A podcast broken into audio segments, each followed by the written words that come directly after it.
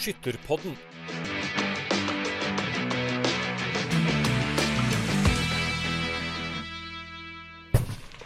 Hjertelig velkommen til en eh, ny episode av eh, Skytterpodden. Vi er, for deg som hørte den forrige, i dypdykk i DFS sin historie. Og når eh, Terje Vestvik, som er her i studio, Ola Fjuk Herje, som er her i studio, og undertegnede sitter og prater om historie, så skal det godt gjøres å få 160 år inn på én episode. Så det blir to. Vi skal klare oss med maks to, selv om vi sikkert kunne holdt på i en 10-12 hvis vi virkelig hadde gått inn for det. Eh, vi kom oss fram til andre verdenskrig i den første episoden, og vi skal fortsette med praten fra andre verdenskrig og fram til i dag. Men aller først så var det én ting som eh, gikk litt under radaren, og det var det som skjedde i 1930, for da fikk vi felthurtigøvelsen inn på LS. Og det mm, har bydd på mye morsomt opp gjennom åra, Terje. Veldig mye morsomt, og det var jo da bare for å ta historien likevel, at det var det. Hjalmar Krag som satt i skytterstyret, var kongens representant i skytterstyret, Forsvarets representant i skytterstyret, som foreslo denne øvelsen. Litt for å få en, enda en sånn forsvarsøvelse. Vi hadde stangskyting, som vi, begynte, som vi snakka om, begynte i 1912, og så fikk vi da i 1930 det som i dag akkurat likeens. Feltturskytingen den er helt likeens, at du står fra stående stilling og kaster deg ned. Men det er to år som vi har vunnet denne skytinga, i 1934 og 1938. Eh, Birger Byring Andersen. Han klarte den to ganger, å ta opp geværet i stående, og vant. Beste skytetida var 14, litt over 14 sekunder, tror jeg. Og det, så vi har altså at eh, ikke alle som har stupt, eller stuperen, stuparen, som de sier det, i hvert fall på Vestlandet. Ja. Det er jo ikke, det er jo ikke feltturskyting, det er stuparen har blitt et begrep. Eh, så den er vunnet altså to ganger i stående. Og det er jo noen som prøver fortsatt. Har dere sett noen i senere tida som har prøvd seg i stående? Ja, ja. ja. Det er som regel noen som gjør det. Ja, jeg så Jon Herman Hegg nå på Voss, faktisk. Han eh, skjøt stående, han. Ja. Er jo vant til å skyte stående mye, da. Tror vi at det er noen som får beger? da? Som klarer, er det noen som klarer det, Ola? Har du sett noen som har klart det sånn Nei, vi har sett noen som har blitt diska for de har skyte stående. Ja. Og såpass, ja. ja.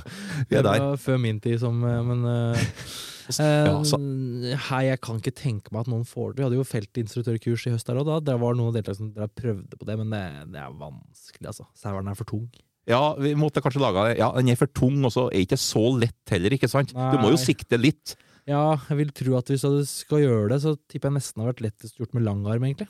Ja, Ikke sant? Det, det er klart at du beveger deg fortere rundt, det er jo det som er fordelen her, og du tar den bare hiver opp, men jeg ser veldig lite av det, og jeg tror ikke det er mye bager som blir delt ut fra stående stilling, nei. Sikkert noen, men jeg, ikke som jeg vet om. Nei, nei, nei. Og så har vi det spesielle tilfellet da i 1934, vi må ta med det, en, eh, da, da Sverre Herdal vant. 33, 32, 33! Bra med korreksjon her. Vet, alle vet jo at Sverre Herdal var i 33. Ja, ja. Eh, da det var liggende utgangsstilling. Altså De begynte å skyte liggende, og da vant han altså på denne herlige tiden 3,4 sekunder. Ja, ja. Det var ingen som trodde på det. Var ingen som trodde på han, og ingen av dem som tok tida heller, men de lot det bare gå. Var, ikke, var det ikke sånn at til og med den, det var den tida på klokkene som viste lengst tid? Jo, det var det. For det var ingen som Det var liksom greit å ta 3-4. Ja, den visste lengst tid. Ja, der tror jeg det at eh, det var Sverre Herdal som fikk dem til å altså, klokke lenge etter de begynte å skyte. Så meg om eh, de tidtagerne fikk gode stillinger i DFS-systemet seinere? Ja. Når Sverre fikk det, altså? Ja, det kan gjøre det. Og Sverre Herdal var jo en betydningsfull skikkelse, som var formann i mange mange år i etterkrigstida, når vi skal begynne å snakke om den. Han var jo en, eh, ble jo en viktig person i, i organisasjonen. Det er litt morsomt med Sverre sier, det er litt sånn kanskje på kanten å si, men Sverre fortalte dette der, da, det har jeg jo hørt. Jeg har, jeg, jeg, jeg har jo, så jo Sverre, for han levde jo ganske lenge, men han fortalte at han vant ikke bare feltturskytinga dette året. Når han for hjem fra landslagstrenet, så var han innom retten og vant en farskapssak også. Det var liksom Vinn en farskapssak. Jeg vet ikke om det var noe morsomt. Hva, vant den da? Ja, det- Nei, jeg jeg lurer ikke hva han vant, da. Men han slapp å betale barnebidrag, da. men Det var på den tida. Men Eller vant den retten til å være far? Ja.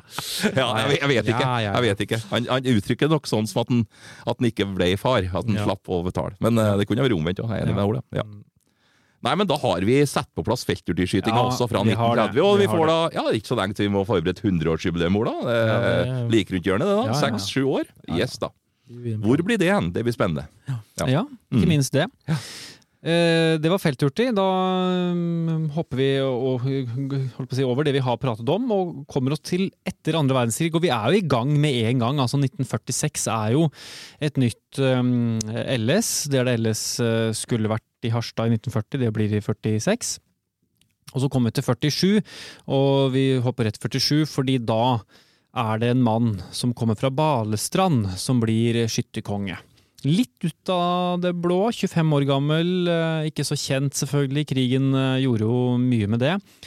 Men eh, han heter altså Lars L. Ese den yngre, og det er en mann de fleste har hørt om i dag. Det må vi kunne si. Det må vi si, og Ja. har da fortsatt den eneste som har vært skytterkonge fire ganger. Tenk det, du. Fire ganger skytterkonge. Eh, og kunne ha På tatt åtte år. Ja, og kunne ha tatt sikkert flere også, om han ikke. Han døde jo også veldig ung. Ja, fordi Han, han, sant, nettopp det. Fire kongetitler. Han øhm, er dobbelt øh, stangmester, dobbelt felturtemester, to napp på offiserspokalen og samlagsmester. Nordmannpokalen fikk han jo aldri forsøke seg på, for han ble jo bare 38 år gammel, faktisk. Mm.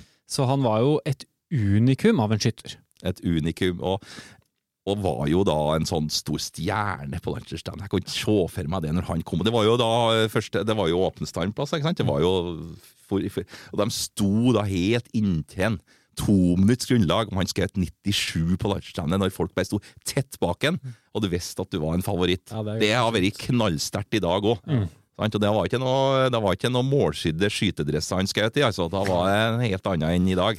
Så, eh, så han var jo en, en fenomenal eh, med geværet. Får jo oppkalt øh, medaljer etter seg, da. Etter hvert fra 1969, vel, så er jo samlagsskytingen øh, ESE-medaljer i gull, sølv og bronse. Mm. Men en av de aller, eller den aller største hva gjelder skytterkongetitler, Ja. og, e- og en av de aller største i LS-sammenheng og i DFS sin historie, må vi kunne si. Absolutt. Lars L. Ese den yngre der, altså, i 1947. Eh, Så opplever jo etter andre verdenskrig, du snakka litt om det i forrige episode, Ola, om eh, altså deltakertall. Både før og etter første verdenskrig, men også etter andre verdenskrig, for det øker ganske betraktelig etter andre verdenskrig også.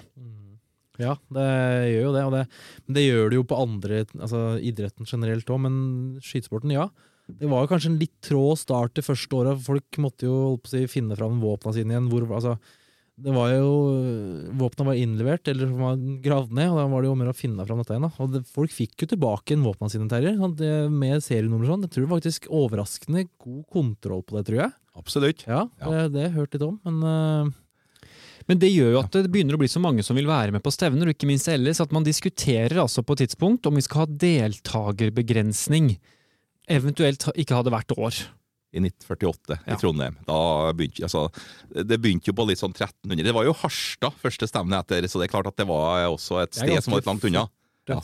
Litt morsomt med Harstad. Jeg må jo bare ta den historien. ikke sant? De skulle ha i 1940, og så bare tok de på logoen bare ta en liten sånn på nulltallet. Så det var 1946. De, og du, du så at det var tegna. Det var en fiffig greier. Det var, kunne jeg vært en reklamemann som har funnet på det i dag. og Det var Ja, ja. fiffig av dem å gjøre det. Ja. Eh, Og så bare gikk det opp, da. Da fikk vi 47 os ikke sant? med ca. 2,5.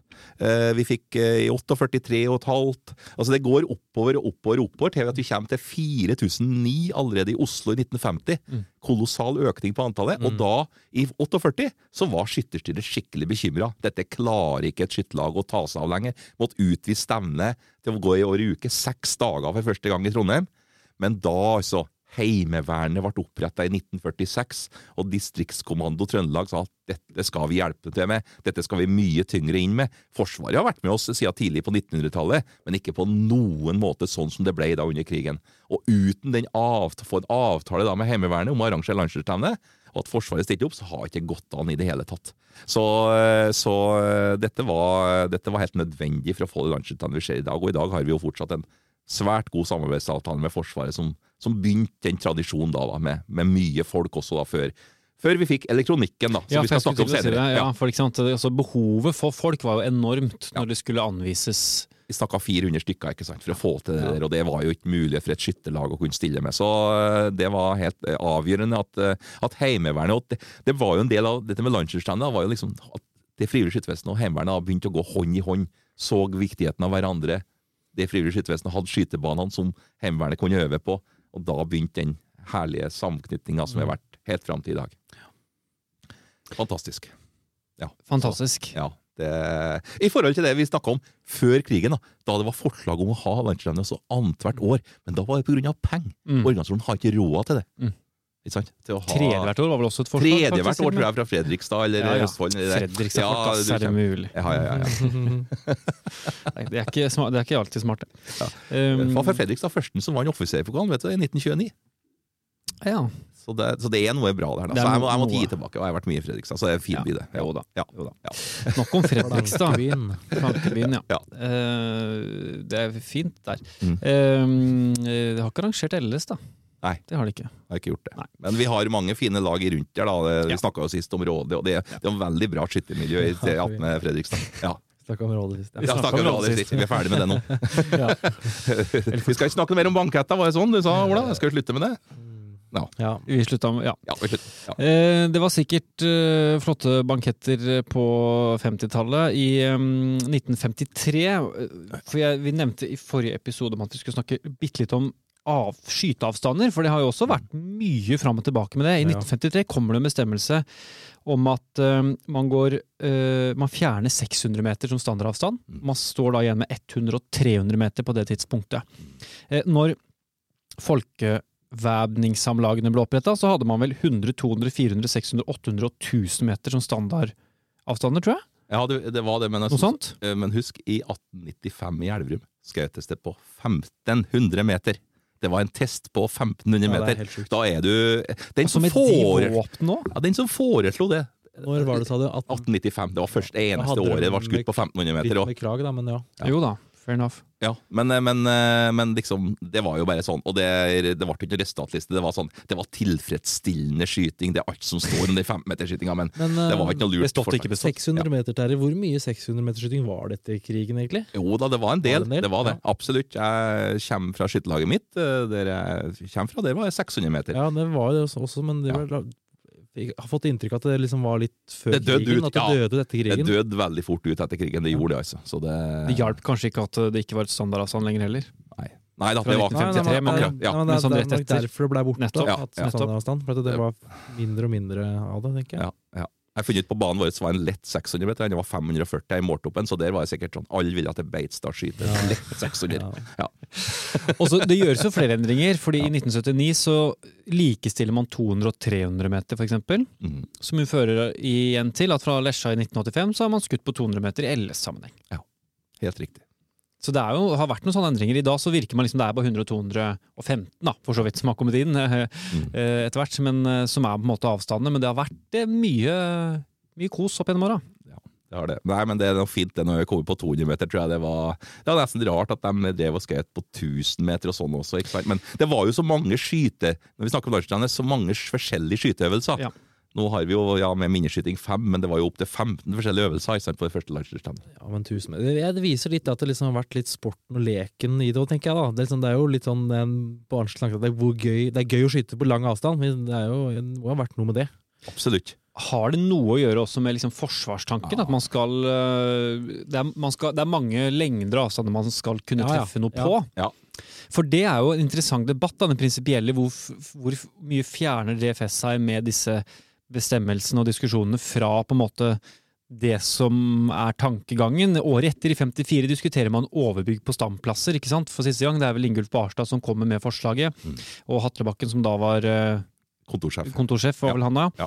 Han var jo imot det, for han mente det ble for likt sportsskyting Mm. enn å ligge ute, som er på en måte som man gjorde i gamle dager, for Ja, eksempel. jeg er litt enig. Men Men slutta med det nå. Men det vi fikk, men det vi, men det vi da fikk i den perioden, og det som bygde seg opp, det var jo feltskytinga, ikke sant? Ja. Som da også kom på landslagsstevnet. Feltskyting har jo ikke vært en sånn greie, men vi fikk jo feltskytinga som skulle ta seg av mer av den forsvarssiden og dømme avstand og figurer ut i terrenget og opptil opp til 600 vel- meter. Ja, det var vel en veldig sånn forsvarsøvelse. Det var jo klart at det var for, eh, Forsvaret. Så, så når du, baneskytinga ble litt mer sånn sport, da, kan Ja. du si, og kanskje ikke sånn, så fikk vi feltskytinga Ja. i tillegg. Så det, det, Så det foregår noen prinsipielle diskusjoner også i den tiden. Det gjør det. Mm. Og det gjør det også, for i 1955 så kåres det første Nå er vi over på et nytt tema, egentlig. Mm. Mm. Da kåres den første prinsessa på LS. Og eh, vi må snakke litt om kvinnene. Ja. For i dag så er det jo en eh, helt naturlig del av alt DFS gjør. Og vi har jo snakket om det mange ganger i denne podkasten også, styrken til skyting. Mm. Og DFS er jo at man, man konkurrerer på like vilkår. Mm. Det Mm. skilles ikke. Mm. Men det har tatt litt tid for kvinnene å komme seg inn i skytingen og ikke minst disse ulike foraene og utvalgene og styrene som eh, det er mulig å komme seg inn i. Altså da Første prinsesse kåres i 1955, det er Guri Melby. Ja. som ender opp med å ta fire prinsessetitler. Du kan jo, kan jo si det at det, hvis du sammenligner med andre eh, idretter ellers, da, altså, sånn som fotball, altså, så er det ganske tidlig, egentlig. Det samme svarer jo litt med langrenn. Første Ja, kan- OL ja, 52 for kvinner, eksempel. Jo, men altså litt mer sånn Vi var ikke seint ute, selv om man kan tenke at For at du ser på hvordan eh, andre store idretter holdt på med kvinnedameidretten, så ja når, ja, når var det man fikk noe på fotball, da? Altså, altså, 80-tallet, holdt jeg på å si. Ja, det begynte vel så smått på 60 i Norge, og så liksom utover ble det vel ikke noe ordentlig VM og sånt noe før på 80-90-tallet. Nei. Nei, nei. nei. Altså, ja. Nei, altså, vi var ikke, vi var ikke seint ut sånn i Nei, altså, man burde heller, selvfølgelig vært mye man burde, Jeg sier ikke Ja. at vi var Men vi burde vært mye tydeligere ute òg, men det er ikke sånn at ja. Men vi hadde jo med, som du sa, 1914, ikke sant. Kjær var med på landsdelsstevne. Tannlege for øvrig. Og vi feira jo hun inn i 2014 på i Sandnes, ikke sant. Etter 100-årsjubileet da. Og for, for både, både grunnlaget, omdriftsgrunnlaget, og at hun var den første som deltok. Og, ja, altså det som man, Når man ser på det med damer og skyting også tidlig på, så er det jo de, de får jo oppmerksomhet fordi de er gode til å skyte. Mm.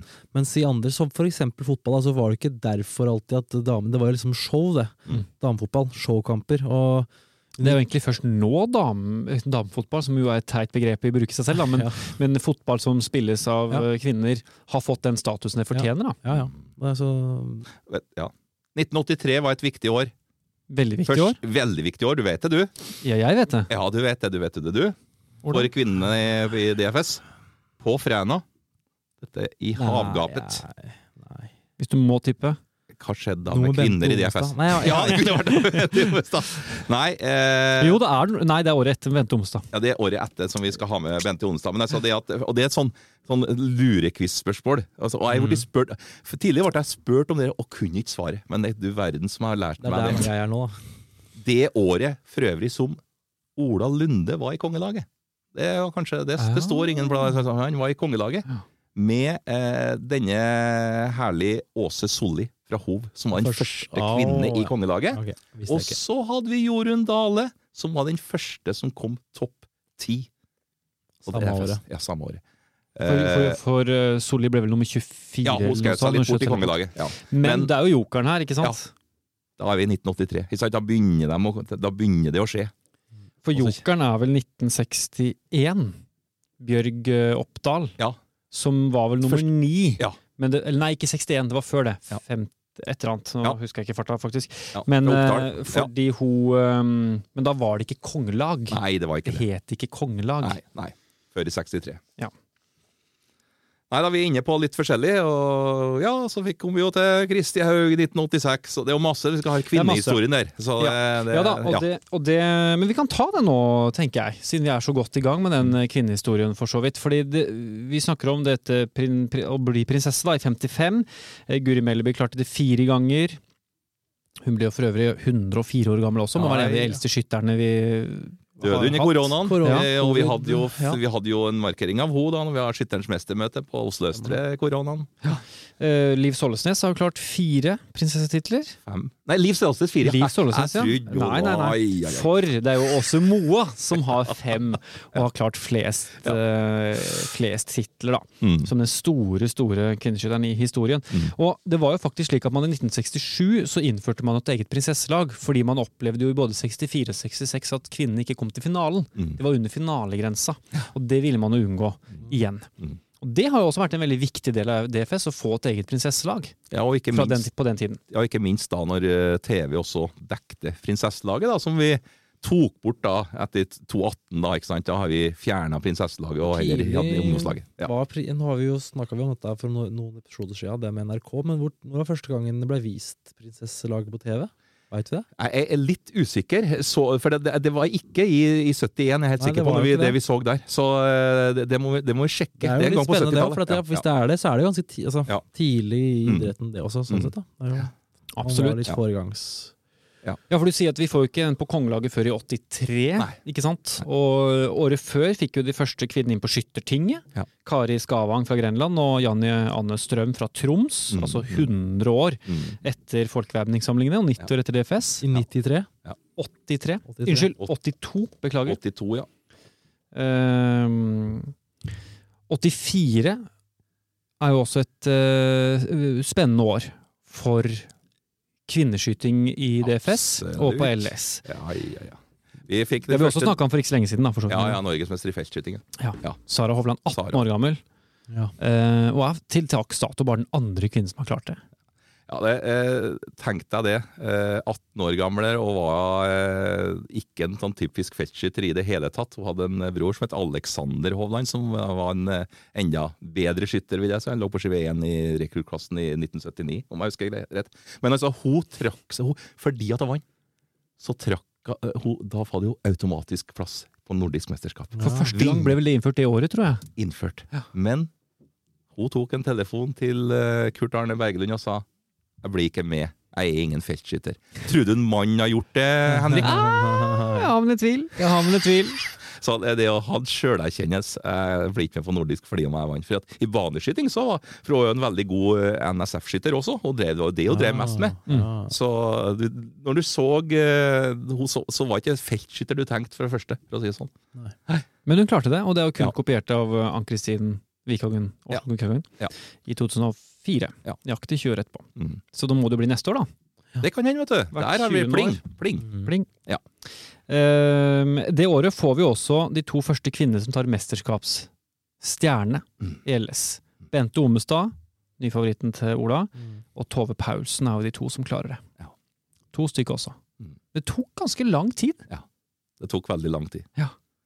Det er en herlig statistikk der. Tor Ida Raune har en veldig statistikk på kvinnene i DFS. Jeg av sitter tenker på hvem har Ja. funnet ut dette her, men det er han, selvfølgelig. Ja, han, eh, han har en veldig Han følger opp den veldig fra år til Ja, år. det er bra. Og sjekker hvem som har medaljene, hvor Ja, mange stjerner og sånt. For det er en egen greie. Ja. De medaljene og de stjernene de er vanskelig å få oversikt over. Det har Jeg funnet. Altså jeg finner forskjellige tall på opptil flere av de i toppen, så jeg tør ikke å være sikker. Nei. På hvem som har flest vet det lenger. Det veit jeg sjøl. Ja. det skjer jo mye i denne perioden her. 1987. Christer Haug blir nummer to, 1986. ikke sant? Ja. Så fint at jeg fikk ta deg på det, Henrik, når du har pirka litt på meg. Ja, ja, ja. Det var pling, det. 1986 eh, så blir hun Hun blir jo prins! Og prinsesse, for så vidt, men hun blir jo prins, fordi hun er nummer to. Og stolt av det. Og jeg sier jo sjøl. Var stolt av å være prins. Men ble det da en prinsesse i tillegg, eller åssen var dette? Nei, nei, nei. Ok, nei. Fikk begge titlene. Okay. Knut Bjørnar Mellem ble prins, konge. også. Ja, prins og prinsesse. Og sjøl da så tok jo ikke styret helt tak og tenkte hm, skal vi tenke litt på titlene, eller? Nei, nei, nei. Det skjedde ikke før i Akkurat- Vi har problemet igjen i 1992. Ja, fordi Det interessante er jo at de har vært mye frampå med en del ting tilsynelatende historisk sett, men akkurat her var de litt treige, for i 92 Mm. da ligger jo Heidi Rudsæter på skive én i kongelaget. Mm. Vi må altså dit før de finner ut av av hva om hun vinner, da? Ja. Hva skal vi gjøre da? Og da kom bestemmelsen at vinneren, en kvinnelig vinner, skal hete skytterdronning. Vedtok du om det etter at du fikk sjansen? Sånn imellom? Ja da, og, og Kjell Kristian Rike Dette før jeg begynte når jeg var- jobba som journalist i Trønderavisa det året. Og jeg eh, så jo, ser jo for meg Kjell Kristian Rike som går og plager Livar Storhaug og Lars Stenris von Essemann og går der ute på plassen. Har dere ikke tenkt på det her, karer? Har dere ikke eh, våkna etter 1986? Hva skal jeg kalle det hvis hun vinner? Så da ble styret liksom samla og tok et møte, og ja, vi kaller det da for skytterdronning. Hun skulle vinne. Så det ble gjort etter at innledende skyting var Ja, ja. Ja, det høres, det høres ut som noe Så du det- ja. Ja, det var ikke, det var ikke forberedt. Hun gikk dessverre ikke til topps, da, Heider Rudsæter eh, i 92. Vi måtte vente i eh, 14 år til ja. før vi faktisk får uh, den første dronningen. På veien dit Ja, nei, det, og det er jo artig, men da har vi jo en dame nummer to så det var jo fortsatt problem med titler. Absolutt. Og, og må, jeg fortelle, må jeg fortelle, min bror som ringer meg på tur opp til Målselv, har dere tenkt på det? Har dere tenkt på hva som skjer hvis en kvinne blir både nummer én og to? Aha, tok hun det da? Min bror 2006? ringer meg, altså, og jeg kjører jo så sa jeg, Og jeg var litt sånn stressa masse som skal foregå på LS. Skjer ikke, sa jeg. Skjer ikke, bror, sa jeg. Og la på. Skjer ikke. Den har jeg fått hørt etterpå. Ja. Eh, Ja, for for den, da ble det jo igjen at, vi måtte, at styret måtte tenke seg om under stevnet, og fant på denne kvasitittelen kronprinsesse. Som da Kine Gjersteide fikk, da. Og får Som er den e- eneste. den eneste, og vil bli den eneste med den tittelen. Det er jo svært, det. Det er stort. Ja. Og da var det jo egentlig ingen som ble prins i 2006. Før, Frode Standal Ja. måtte vente i tre år Ja. før han ble prins. Stemmer under stang og felter til finalen, så da deler da eh, eh, Hans Kveli ut prinsekanna tre år senere, under stang og feltersfinalen. Så får han den rettmessige premien sin. Nei da, men eh, Fantastisk. Så vi hang, hengt litt etter på de kvinnelige inntogene, på en måte, men det de begynner å komme seg. morsomt òg, for vi sitter jo her og prater jo med det, og sånn historie skapes. Og nå har det jo skjedd en gang til, da, med dobbelt uh, kvinne i 2017 med, Ja. med Katrine Onsa Lund og Åse Mart Myhrvold. Ja. Eh, imellom her òg så fikk vi for øvrig også det første eh, kvinne som en del av et sentralt utvalg i DFS, nemlig Kari Hauge i DFSU. Ja. I 94. Mm. Og Janne Kornbrekke blir første kvinne valgt inn i Norges skytterstyre i 2005. Mm. Så det er noen sanne. Og så er det jo den siste delen av LS som ennå ikke har em, eh, fått en stor andel kvinner på toppen, og det er veteranklassene. Jeg skal til å spørre Norma-pokalen, eksempel. Ja. Der har det ikke vært noen kvinne. Når kommer den, Terje? Ja, Vi hadde jo tro på liv. Jo Norma-pokalen, ja. Ja. Vi har da to ganger der. Ja, da har vi det. Jeg spør. Ja, vi har det. Ja. Wenche. var- Blien, ja. bli. Ja, To ganger. Ja, ja, ja, På rad, til og med. Ja, på rad, tenker jeg, må jeg også si. Ja. 17-18 var Så det. der har vi. Ja. Men nå Ja. tenkte jeg ikke det som en veteranklasse, da. Nei, Nei, jeg skjønte det. jeg- jeg jeg, tenkte for der, Ja. for der eh, Nå skal jeg brife litt. Jeg Ja. tror det er Kirsten Woland som vant sammenlagtskytinga for Sunnhordland i 2011 i Bodø. Som er den eneste kvinne som har vunnet en veterantittel. Det er helt riktig. Ja, Hun nydelig. skjøt til og med siste etappen. Hun skjøt ah, ja, til og med. For det har ikke vært Ja, ei etterpå? Ja. Nei, jeg tror Nei. ikke det. eh, Men eh, jeg skal, Jeg har, jeg har på pallen, dobbeltsjekka. kanskje? ja. På pallen kan nok være. For jeg Det føler det jeg ikke er så lenge siden at, jeg, Nei, at men vinner, dame. vinner, vinner. vinner er, eh, er det ingen, altså. Verken i individuelt eller i uh, samlag. Ennå. Men det kommer jo. Det kommer helt For det sikkert. blir jo en følge Ja, men samtidig så er det jo også litt rart, kanskje. Nei, det, det er kanskje nå det begynner å komme av for alvor, da. Men er det litt sånn at um, mennene liker å holde på til de blir gamle, men kvinnene ikke? Ja, men det er nok litt mer at uh... Alle de navnene vi snakker om fra 80-tallet og sånn. Kan være De, det. det, er jo veldig, det er ikke så mange av dem som skyter i dag. Ja, men det er veldig mange menn nå som har slutta på 80-tallet. Det er jo, Jo da. var jo veldig få damer skøyta. Det kan du si. Det, det, men det er jo fortsatt De skyter fortsatt, da. Ja. Det er jo Ja, det er, det er mange, men det spørs ikke hvordan de går over i veteranklassene, altså V65, V73. Hvordan nå dette blir etter, etter klassestrukturen skal opp, det blir en annen sak. Men eh, jeg tror også at de, de, de roer litt ned.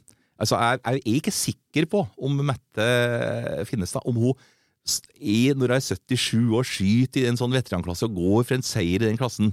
Kanskje tenker jeg mer på barnebarna, eh, som kanskje har kommet, eller følger opp dem og bruker livet sitt til det i stedet for å skyte sjøl. Mens det er Tor Harald som ligger og dunker og skal ha seg enda en tittel. Jeg vet ikke, men det er en tanke går an å ha. Det hadde vært veldig gøy om Mette Finnestad ble den første individuelle vinner av en tittel i veteranklassen nå.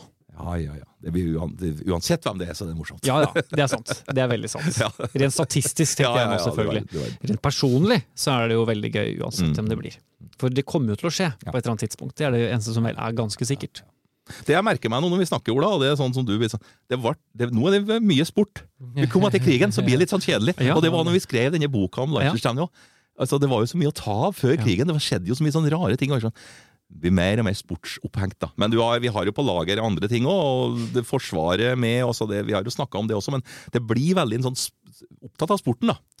Eh, absolutt. Men jeg innser at denne episoden kommer også til å bli helt tett opp mot der vi var i forrige episode, som var over en time.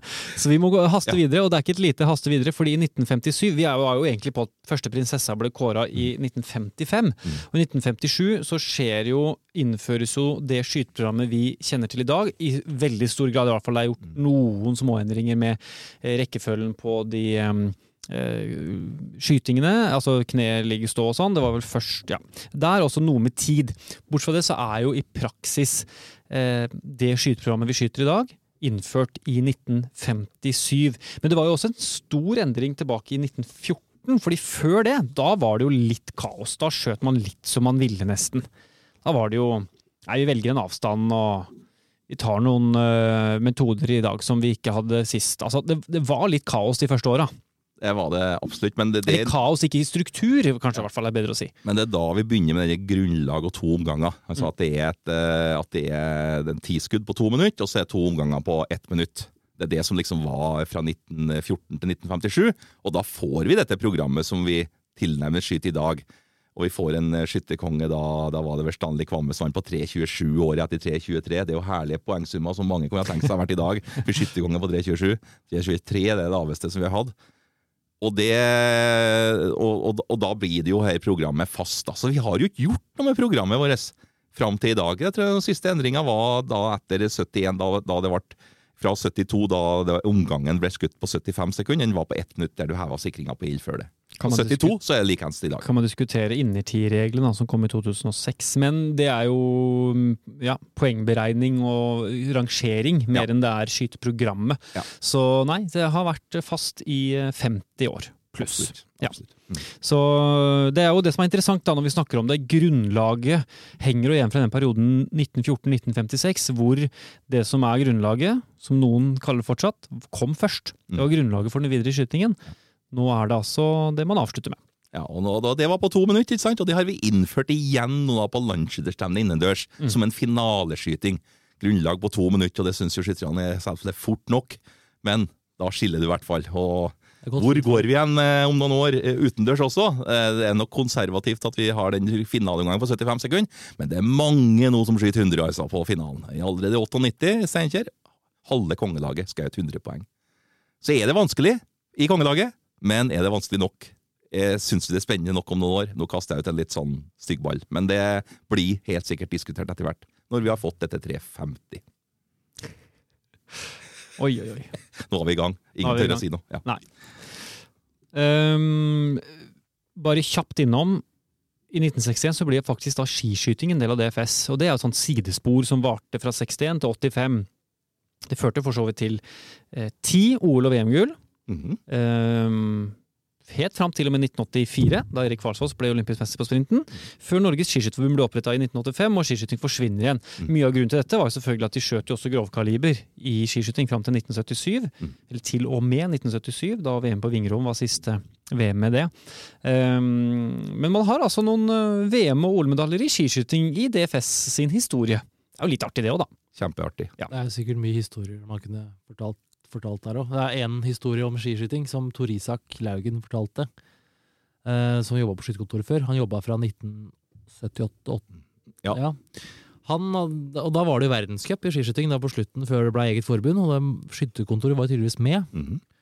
Dette vet sikkert du bedre om meg, men Han fortalte i hvert fall at de hadde vært i Russland på verdenscup. Eller var det VM? eller Kanskje ikke verdenscup, men det var noe i Russland. Og da, VM i Minsk i 82, kanskje? 82, ja, det var jo Jarle Tvidre med. Ja, det kan Ja. godt hende. Og Mm. da reiste fra Fornebu, da, så måtte de jo de skulle betale ting der borte. Og det var ingenting som gikk an å bestille på forhånd. eller noe. Så Tor Isak han dro til Russland med Eller Sovjet, da. Med koffert med håndjern og rubler, eller hva det var for noe. Fra Fornebu. Det forandra Det seg er litt annen tid. Litt sånn Arne Treholt, så jeg Ja, her nå. jeg, jeg tenkte faktisk Han dro samtidig med Arne Treholt i samme fly.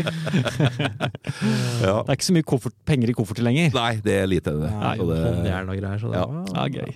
heftig.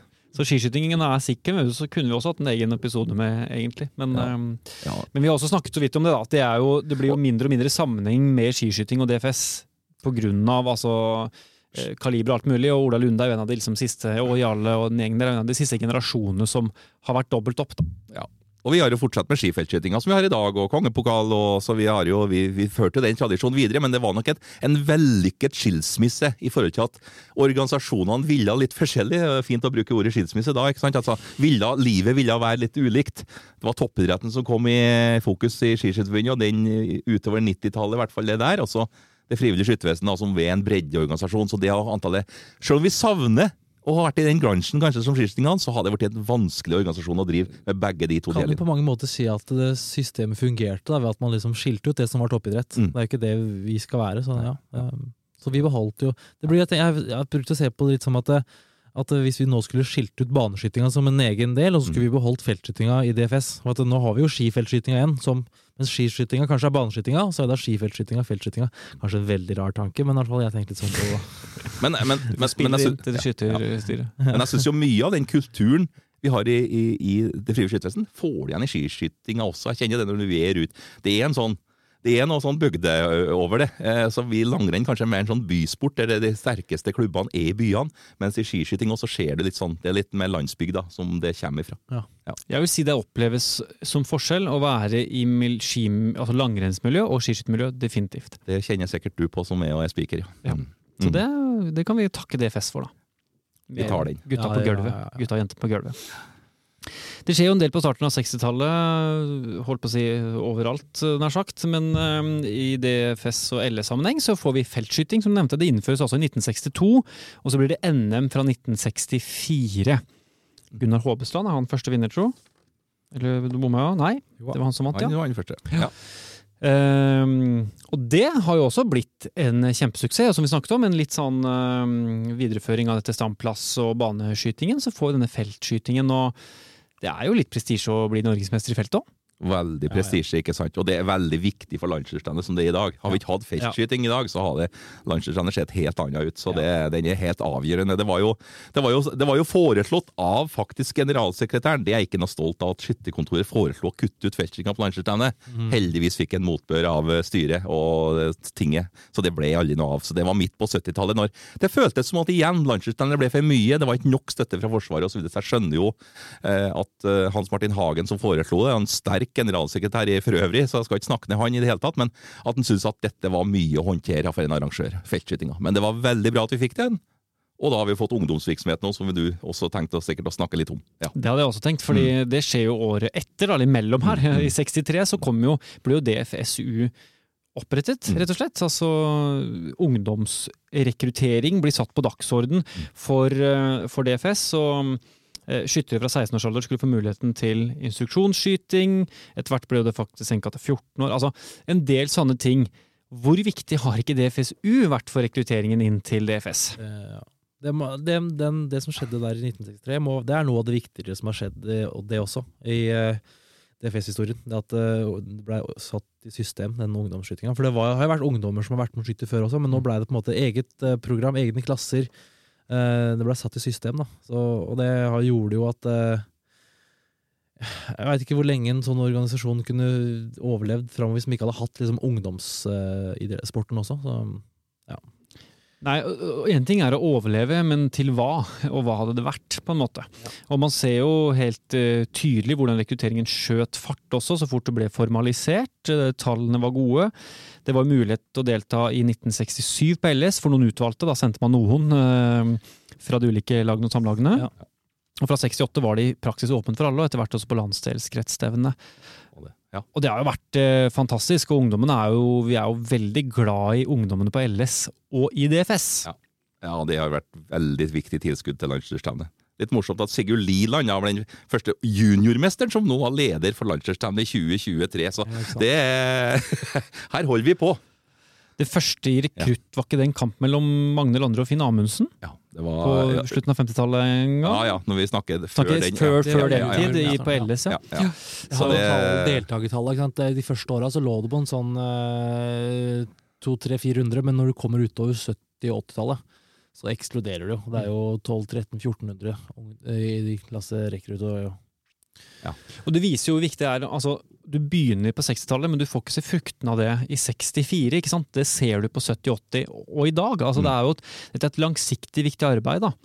Eh, De fikk? Vi ble ansatt riksinstruktør, vi var ansatt eh, ungdomskonsulent. Vi klarte å få til og med inn i valgfag på skolen fra 1983. Og når skolen ikke ville ha det, så starta man skytterskole fra 1994. Og skytterskolen nå er jo ekstremt viktig for eh, DFS.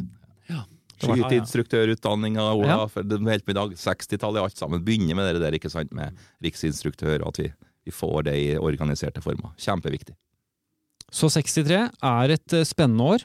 DFSU, som er sett til retning for in indremedisinen i DFS, for rekruttering. Men det skjer også noe annet, fordi NRK starter da sine første sendinger av landsskytterstevnet dette året. Mm. Eh, Det er jo også en utrolig viktig del av DFS utad, og hvordan de har syntes for resten av befolkningen siden den gang. Det var ditt elskede Steinkjer, eh, kan vi si, eh, Terje. Eh, og det var jo altså den første direktesendingen NRK hadde nord for Dovre. Det er jo helt, helt utrolig. Per Jorseth, selvfølgelig mye takket være Per Jorseth, som overtalte sin sjef, Oddvar Foss, Mm. og fikk med seg sin gode kollega Knut Bjørnsen. Så ord, denne operasangeren Åse Nordmo Løvberg må vi takke mye for, det var dit de skulle Hun burde jo fått en medalje oppkalt etter seg. Ja. Og jeg er faktisk litt i slekt. Det er noe fjærmenning på ledd under der, så vi er, vi er, vi er nærme her, Det altså. er litt, det er litt inn. Ja, det er litt inn at, eh, eh, at de tok det fra det. Ja, så fint. Mm. Kanskje heller det. Ja. Dette var i Målselv, altså. Det var sånn ja, Ja. Mm. Nei, så, så NRK Nord-Norge. og alt det de har stått for, da, med Per Jorseth de første årene som har vært helt sentral. Kjell Kristian Rike tok over og gjorde det jo det til en folkesending, må vi kunne si. Og prøvde mye forskjellig. Stå på scenen med anvisning og hele pakka. Rikeshow. Um, det var jo også etter hvert da med Ola Lunde inn, og nå Andreas Dabrin Smith de siste årene, som har på en måte rammet inn NRK-sendingene til det det har blitt. Og um, en mann som Kjell Kristian Rike har jo vært ekstremt viktig da, i den utviklingen NRK har gjort. Ikke, ikke ingen tvil om det. Liksom en 30-årsperiode han, eh, han prega denne og, og fikk det på NRK, og det skal vi være sjeleglad for. for vi kjenner nok, vi som er i DFS, at skulle det bare mangle om ikke et landslagsstevne skal vises på NRK.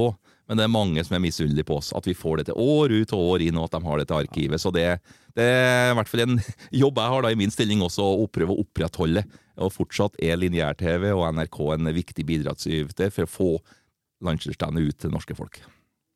Ja, og innføringen av onsdagen, som jo var på et tidspunkt, innledende skyting, ble jo overraskende godt sett. Altså, det slo jo Tour de France-sendingene det året, eksempel, eh, da Tor Hushovd var ganske god. Altså, det, det, viser jo noe om at det ligger en interesse der, som NRK har vært med å forvalte utad. 2005 i Lesja fikk vi det til, og vi så jo frykten til alle da som gikk inn der med skinnekamera for første gang. og ja, Det var eh, veldig, veldig fint å få lov til å være med på den perioden og det engasjementet. Kjell Kristian og Ola ble jo da med eh, fra 2005, og, og det studioet de har ute. og Det, det løfta landslagsstevnet. Skal sies at Kjell Kristian Rike vant Ola Five-skytingen eh, i 1963, faktisk. Det året NRK var på Steinkjer. Ja. Den gangen var det fem liggende og fem knestående på to minutter på 300 meter. Han eh, var jo skytterprins, og vi skal ikke ta alle titlene til Kjell Kristian. Han var en god skytter over lang tid. Det var han. Eh, Vi kan bare, jeg vil bare kjapt nevne to eh, årstall. 1974, skytebaneloven innføres. Litt eh, kjedelig ble, ble vi enige om, men har jo vært viktig for å sørge for at det er skytterbaner i hele Norge, som jo også er mye av grunnlaget for, for DFS. Det handler rett og slett om at staten skulle kunne bidra med halvparten av byggingen, så lenge kommune eller skytterlag sto for den resten av utgiftene.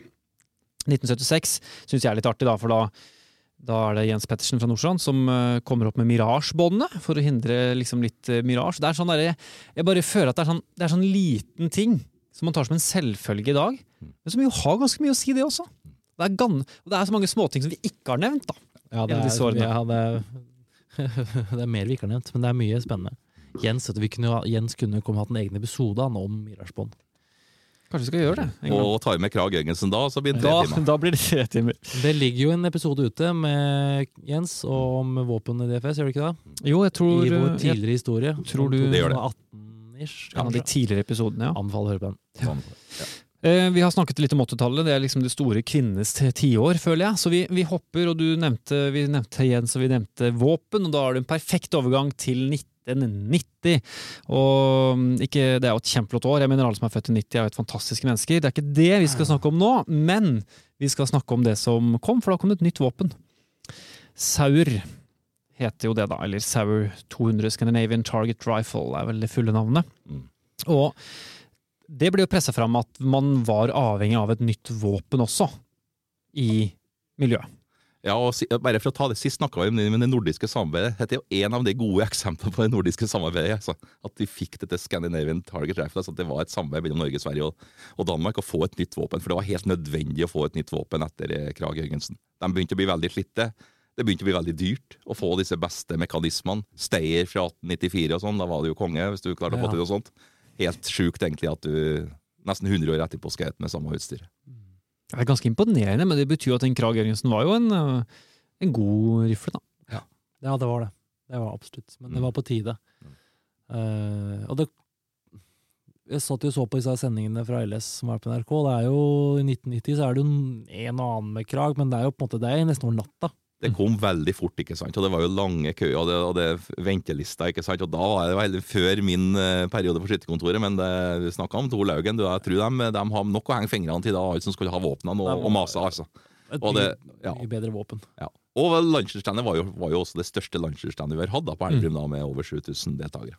Jon Olav var vel første kongen med saueren, og han snakka med Hanna Flitzia om det, for jeg hadde akkurat sett på NRK-sendinga. Og han fortalte jo at han hadde, det var ikke hans våpen, han hadde lånt av en onkel eller noe, og første gang han skøyt med den saueren, var noen uker før LS. Så, Men da var jo alle litt i samme situasjon, i og med at våpenet var så nytt. Ja, at da gikk det i bedre grad, kanskje. Stemmer det at Liv skøyt med krag på 990? Det tror jeg. Ja. Ja. Mm. Fortsatt så var det noen som hadde kragen, for de har ikke vent seg på det. Jeg har Heller ikke fått uh, Nei, våpenet. jeg er ikke sikker om de hadde fått det. Det var mye med det, tror jeg.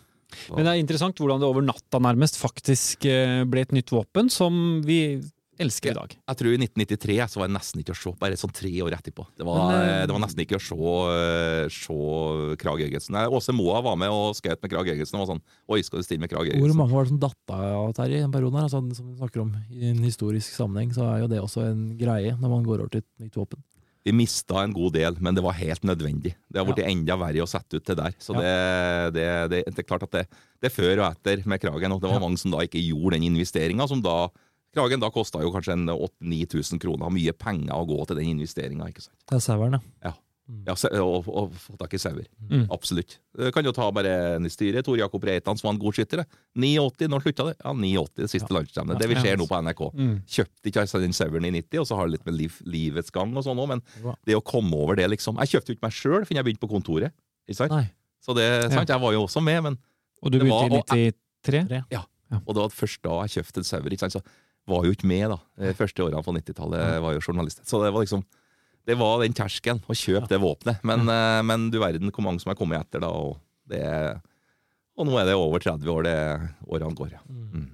Det er jo, øh, ja, så det, det er saueren. Det er jo interessant øh, bare kjapt, fordi det skjer jo faktisk en del eh, endringer i veteranklassen i 1990 som er litt interessant akkurat nå, fordi da endrer man til det som er dagens øh, ordning med V55, 65 og 73. Mm. Eh, så får vi se da om det tåler øh, klassestrukturforslagsendringene til øh, Men det der er jo klassisk. Det er som jeg bruker å si til noen andre på kontoret som er nyere enn meg òg. Hvis, de hvis de kommer med noen ideer og tenkt noen tanker, så vil jeg si at det er, det er kjempebra, men det her har garantert vært tenkt på før. Det har vært tenkt på før. Det er, Det det, har det er 150 år med historie her. For du vet, jo hva, du vet jo hva V65 og V73 het før. Ja, ja.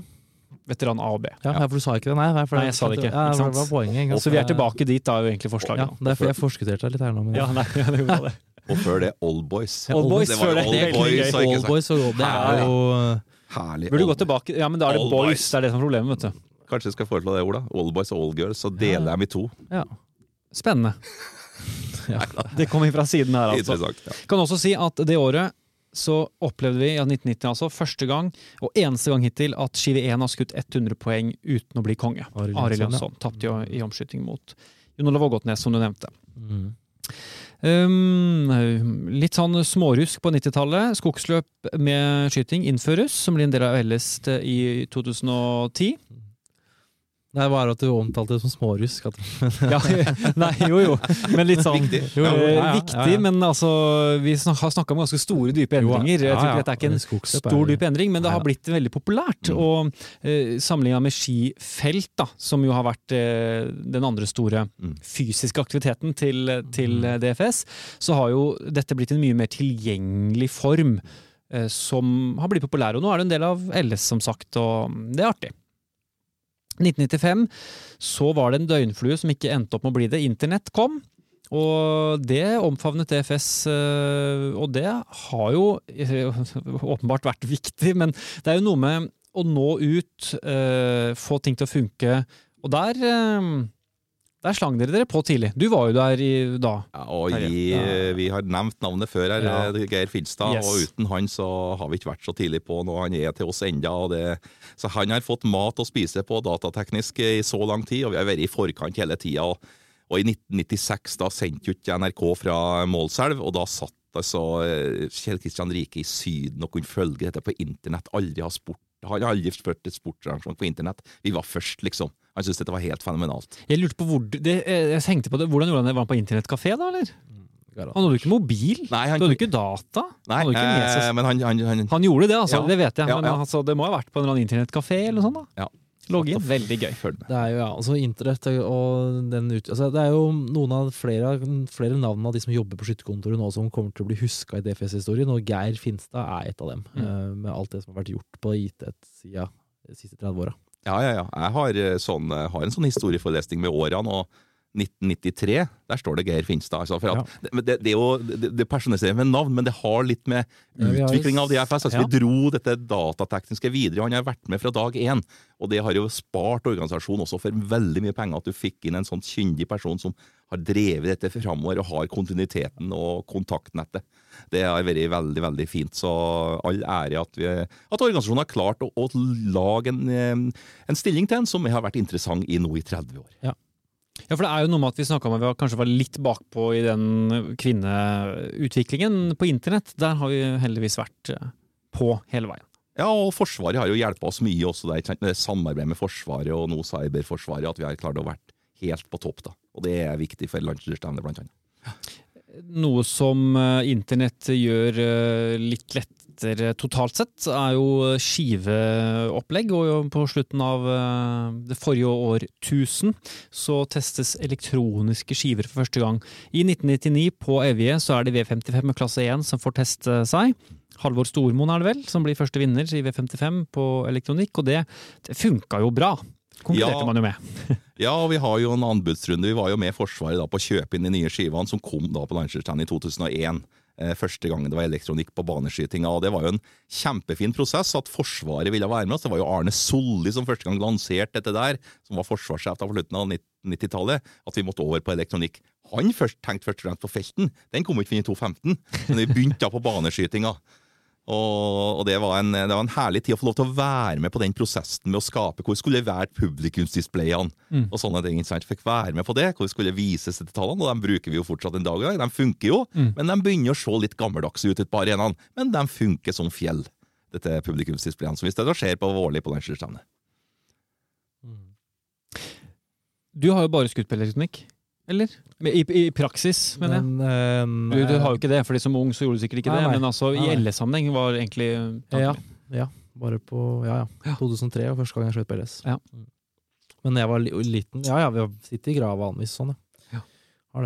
Det er det jo færre og færre som eh, kjenner Jeg er til nå. eh, Jeg tipper jeg, Du er født 90, jeg er født 91. Tipper det er ikke veldig mange som er mye yngre enn meg som har gjort det. altså. Nei. Det er nok aller siste. Skal jeg fortelle en hemmelighet? Ja. Vi var på vi var, Sius var jo med i anbudsrunden og fikk ikke anbudet. Da følte jeg meg Kanskje I 2000 var vi i Sveits. Vi fløy til Zürich. Geir Finstad, undertegnede, Mm. på første klasse. Oi, det kom sånne og servert. Det, det, det, og, det var for, og det var Forsvaret som betalte. Ja, nei, Forsvaret som betalte. Oh, ja. Eh, og de har bestilt førsteklassebilletter. Og da følte jeg satt Oi! Enn at jeg jobber i Det frivillige skyttervesenet og får sett på første klasse til Zürich. Det hadde ikke Ola. Five lagt, eh, likt. Ja, det var helt, det var helt fenomenalt. Ja. Nå ble det ikke noe kontrakt med, med, med Sius, men uh, sida aldri første klasse. Altså, du føler at det ikke er helt DFS, men det var, husk på at det var den tida òg. At Forsvaret, når de skulle på sånn tur, da var det de beste billettene. Her har du billettene, møt på Gardermoen. Sitt der og få servert eh, mat og skulle dit. Og så, så, så. Nei, jeg måtte bare fortelle. Det var, bli- ja, ja, det har hatt noen høydepunkt. Takk, takk for at du deler hemmelighetene med oss. Eh, Er det breaking news på denne podkasten? Det er første gang, tror jeg. Det er deilig. Ja. Um, vi, må en, vi må en kort tur innom um, det kongelige. Vi har snakket om skytterkonge og sånne ting, men jeg mener de som faktisk er per definisjon kongelige. For 2000 er sist gang en konge har besøkt landsskytterstevnet. Kong Harald. Mm. Og det er hans eneste gang, faktisk. Eh, mens hans eh, bestefar, kong eh, Haakon, han var der skal vi se, en, to, tre, fire ganger. Og kong eh, Olav var der også fire ganger. En gang som kronprins og fire ganger som konge. Men de, de har jo på en måte De har vært viktige, de òg. Selvfølgelig fordi vi bruker ordet skytterkonge. Vi har en kongepokal. Um, men ikke minst det, at eh, de er jo eh, høye beskytter, høyeste beskytter av DFS fra 1946 Mm. eh, og fram til og med i dag. Av bare 30 eh, hva heter det, beskytterskap kong Harald har, er det frivillige skyttervesen ett av dem. Vi søker hvert 50 år, Og han har bestandig ville ha hatt oss, og han er veldig glad i oss, eh, Harald. Så vi har hatt en veldig fin kongehistorie. Det var jo en spesiell greie det med Olav da, rett etter krigen. at uh, Jeg tror søknaden gikk på en, en uke. Styret søkte, og så fikk de tilbake ja. Dette vil vi gjøre etter krigen, for da var det ingen tvil om at det frivillige skyttervesen skulle få en høy beskytter fra kongehuset. Så vi får håpe at den tradisjonen fortsetter, og Kari Sofie presidenten vår og Jarle, generalsekretæren, var jo til kongen for en eh, ukes tid siden nå. og han, som De sier, de får ikke lov til å si noe fra hva som sies i samtalen, men det blir bestandig, den går bestandig over tida. Så han er glad i å snakke med om DFS. Det skal være et kvarter, men det blir bestandig mer. Og når denne podkasten kommer ut, eller episoden, så er det litt mer enn en uke siden. Men eh, det, det er greit. Det, det, gjør ikke noe. Eh, første gang i 1907. Og så var de 14 og 24. Alle gangene var jo i Oslo, så det var på en måte enkelt å reise ut for kong Haakon. Men han var også i Harstad i 1946, selvfølgelig, rett etter krigen. Det var viktig. Kronprins um, Olav var i Sortland i 25, fordi han hadde uh, militærtjeneste oppi der. Ja. Og var også i Kristiansand i 62, Kongsvinger 75, Os i 82, mm. og så var da kong Harald på Elverum i 2000. Mm. Eh, sjansen for at vi ser kong Harald igjen på et landsskytterstevne er ikke sånn kjempestor, kanskje? Det krasjer litt med ferie og seiling og sånne ting. Vi håper jo, og vi ber jo, og vi ber jo også nå på Landskjøtstrand innendørs, men det er jo krevende å, å, få han dit. Men han får noen invitasjoner, så får vi nå se om vi neste gang vi får et kongelig besøk. Landskjøtstrand innendørs, det hadde vært stort, det. Ellers innendørs nå. Kongen. Fått han opp dit, ja. Altså Hans øh, arvtaker, kronprins Haakon, er jo mye i Trondheim. Han er jo en NTNU-mann. Uh, så han, ja. da er det ikke så langt, hvis han kan kombinere en tur til Trondheim og Stjørdal en gang. Det blir bra. Veldig bra. Vi må bare Ja, nei, skulle du si noe mer? Nei, jeg, bare, jeg måtte bare ta 1975 Kongsvinger. måtte bare ta det. Kong Olav. Erling Abrahamsen skive 1. Kom, møter ikke opp på kongelaget. Eh, de vet ikke hvor de For han bare har forsovet seg. Uh. Forsovet seg skikkelig. Og så må kongen gå rundt og snakke med folk og har det bare trivelig og så går og snakker med kongelaget. Så det ble veldig forsinka, mens Per Jorseth hata situasjonen. Han hadde direkte radiosending og kongelaget fordi at Erling Abrahamsen ikke kom. Tenk deg nå, Trude, at det, hva gjør vi nå hvis skive 1 ikke kommer? Det er litt viktig å ha med seg skive 1. Ja. Sier vi at den blir diska? Ola, tenk litt på det. Hvis det ikke skive 1 kommer på å møte opp, hva gjør vi da? Vi når den sikkert nå da med mobiltelefon. Det var jo ikke noe sånt i 75.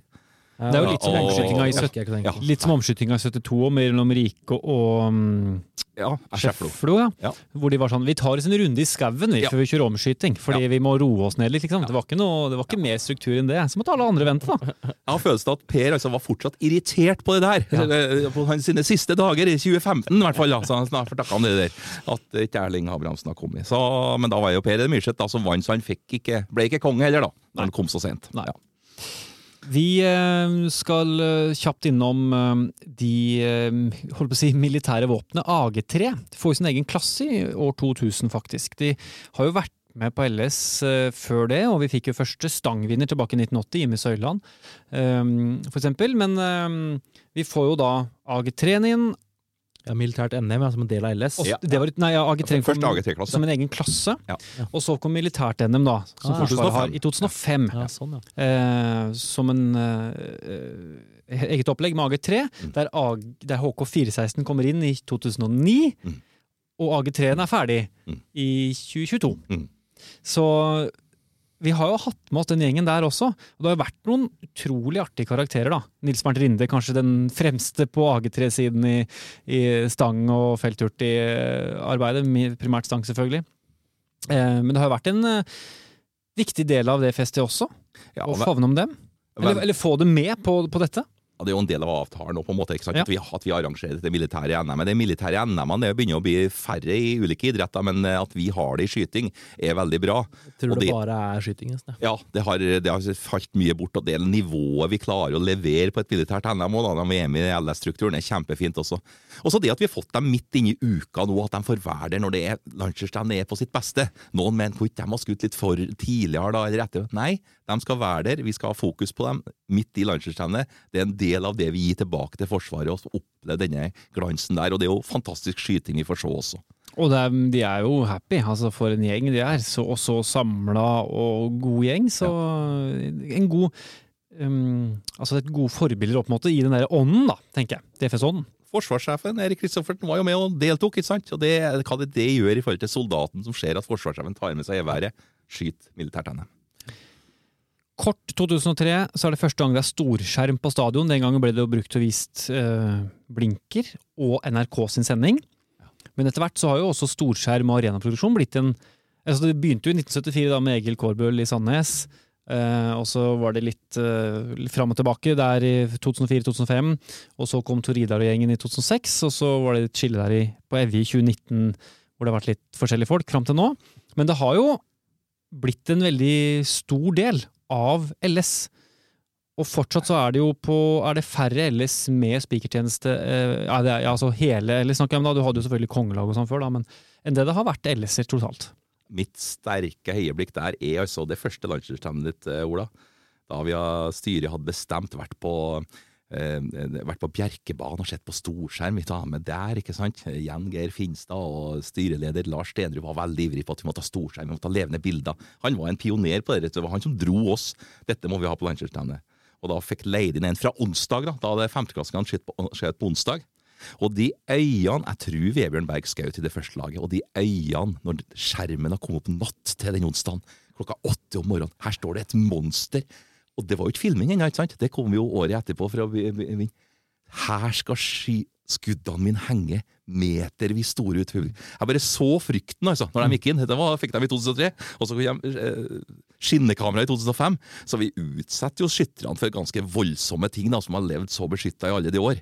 Først skjerm, og så, eh, og så skinnekamera. og Dette tok jo litt av. Og dette med arenaproduksjon eh, Kjell Erik Kristiansen kom i 2005, som dro dette kanskje på en annen måte da enn hva Egil Karbel gjort fram til 2004. Og så kom da teamet med Tori Darauni osv. fra 2006. Og det, det, var jo en ny æra i forhold til produksjon, musikk på arenaen, det å skape stemning. Det, det er mange mange flotte øyeblikk som er, som er skaffa av det der. Men eh, og Nå er vi i en ny arenaproduksjon, vi er jo i et anbudsrunde akkurat nå, men, men dette skal jo altså Skytter-Norge vite. Det koster jo penger å ha den profesjonaliteten. Så det er jo litt med hva det skal koste å delta på landslagsstevnet som blir en sånn aktuell sak også. Det er noe med det her. Man må betale for å få den stemningen som vi klarer å bygge opp, og det er jo også viktig for NRK-sendinga at den infrastrukturen er der, osv. Absolutt. Ja. Nå ringer det i noen telefoner, tror jeg, men eh, nei, det går bra. Uh, vi skal uh, faktisk uh, straks uh, lande. Jeg føler at noe av det siste jeg hadde på min liste, var rett og slett liksom, altså, lag- og samlagsskyting. For i 2010 så kommer lagskytingen tilbake til LS for første gang siden 1908. Den jo kom, det. Og det, gjorde det for at vi skulle fylle Vi hadde så god tid, tidsplan, at vi, kunne, vi måtte finne på noe nytt. for å få det at, Og etterpå så har vi liksom kanskje angra på det. Det er ikke så mye ledig tid på den tidsplanen! Men, men skytinga er jo fantastisk. At vi har fått den, og, og, og den lagbygginga nå. Det har jo blitt noe som folk har blitt veldig glad i. denne lagskytinga. Og det er jo det laget som vant i 2010, er jo det eneste laget som har vunnet flere enn en gang. Det er Jondalen. Det har vunnet fem ganger totalt. da. Og den gangen som i år, så var jo Katrine Onstad Lund på laget. Da var hun 15. Mm. Faktisk sammen med Trond Bergan og Line Gilen. Ja. Eh, Lene Gilen, beklager. Så, så, lag Altså, det er jo bare liksom lag og samlag og den viktige delen der òg. Det er jo Man skyter jo sammen, og man så jo Jeg snakket jo med også Marit Wyrmang for et par episoder siden, så nervøs hun var på samlagsskytingen i år. Mm. Fordi du vet du skyter med hele laget ditt, og alt avhenger av hva jeg har gjort nå, liksom. Mm. Det er en veldig fin ting at man har disse lagskytingene og samlagsskytingene på LS. Veldig byggende. ikke sant? Veldig byggende. Du, Olav fortalte jo her om sin historie med, med Urskog eh, nå i år. Ja, stemmer. Ja. Eh, hvor fint det var at dere gjorde det så flott. Mm. Ok. Det ble Da vi kom til 2010, er det liksom noen store ting som dere sitter med nå? Enten fra, fordi liksom, det tenker jeg, Nå er vi jo nær, nesten i dag, så hvor mye historie skal vi snakke om fra 2015 og 16 og 17 og 18, på en måte? Men um, Speak now or forever be silent. Det er jo sånn par punkter som jeg tenker de ja. siste ti åra, er jo eh, Kari president. Ja. Covid. Det burde vært på kvinne. LS ikke arrangert. Mestermøte. Det er sånn de første tingene jeg bare sånn dette ned her. Bare ta sånn mitt DFS og påmeldingssystemene ja, ja, ja, og alt vi har gjort der, da. Hva som Vi har dratt oss videre, men vi har jo snakka litt om den utviklinga, så jeg har hengt på den. Og hvor mye som har skjedd de siste årene på den sida der. Så det, det er vært en satsing fra organisasjonen, det også fått dette greit sånn sett. da, Med påmelding og alt du gjør nå som du ikke tenker på hvor vanskelig det var for noen år siden. Hvis du ser siste fra 2010 til nå, så tipper jeg de tre tinga der kanskje er de største. Og så var det som vi sa, Henrik, at hvis det er, det er, det er de to episodene vi har spilt inn nå, er vel perfekt for folk som liker å, som liker å ta folk på ting. Ja, Da har det er det. her nå. For det, vi har ikke, ikke på noen måte plukka ut alt. Nei. Og ikke sikkert sagt alt riktig heller. Nei da, det er mye som Men uh... Send sint mail. Vi tar det imot med glede og åpne armer. Men i eh, Skytterpodden i, i 2050 så kan vi snakke om disse ja, da må vi ta det igjen i 2050, eh, tenker jeg. korona og den biten der. Men det er klart at DFS er i utvikling, og har vært i utvikling siden opprettelsen av Sentralforeningen i 1861. Og det kommer også til å være det. Ja. Og det er jo bare det å henge med, og så se hvor, hvor det ender. Hvor er vi hen når vi skal ha 150-årsjubileum i 2043? Det er jeg spent på. Hva skjer de neste Ja, er, 20 åra? Og det å klare å se inn i den glasskula, det er viktig. altså. Og det er det som jeg snakka om sist. Nå holder Syria på med strategiarbeid ti år fram i tid. Og det er ikke så lett å vite hvor vi er hen, og alle utfordringene vi har, og hva vi, som står foran oss. Det har eh, på mange måter vært ganske harmonisk etter eh, andre verdenskrig, og, men de 20 åra vi går inn i nå, kan fort bli en 20 dramatiske år. Så det er bare å henge med, og det blir morsomt, det, vet du.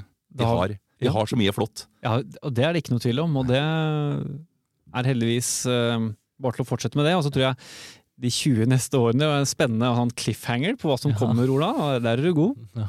Skal vi møtes eh, i 2043 om vi slutter med podden en dag, og så sier vi at da har vi en avtale? Ja. Jeg begynner å bli ganske gammel, men jeg skal henge Ja. med. Jeg har noe å leve for. Ja, ja. Fortsatt bare ung.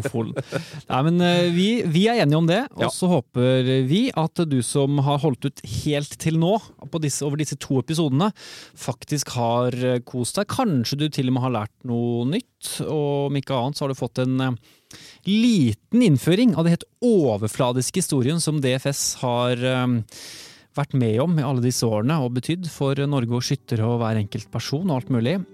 Vi får bare si eh, takk for oss, og så er vi tilbake med nye episoder eh, etter hvert.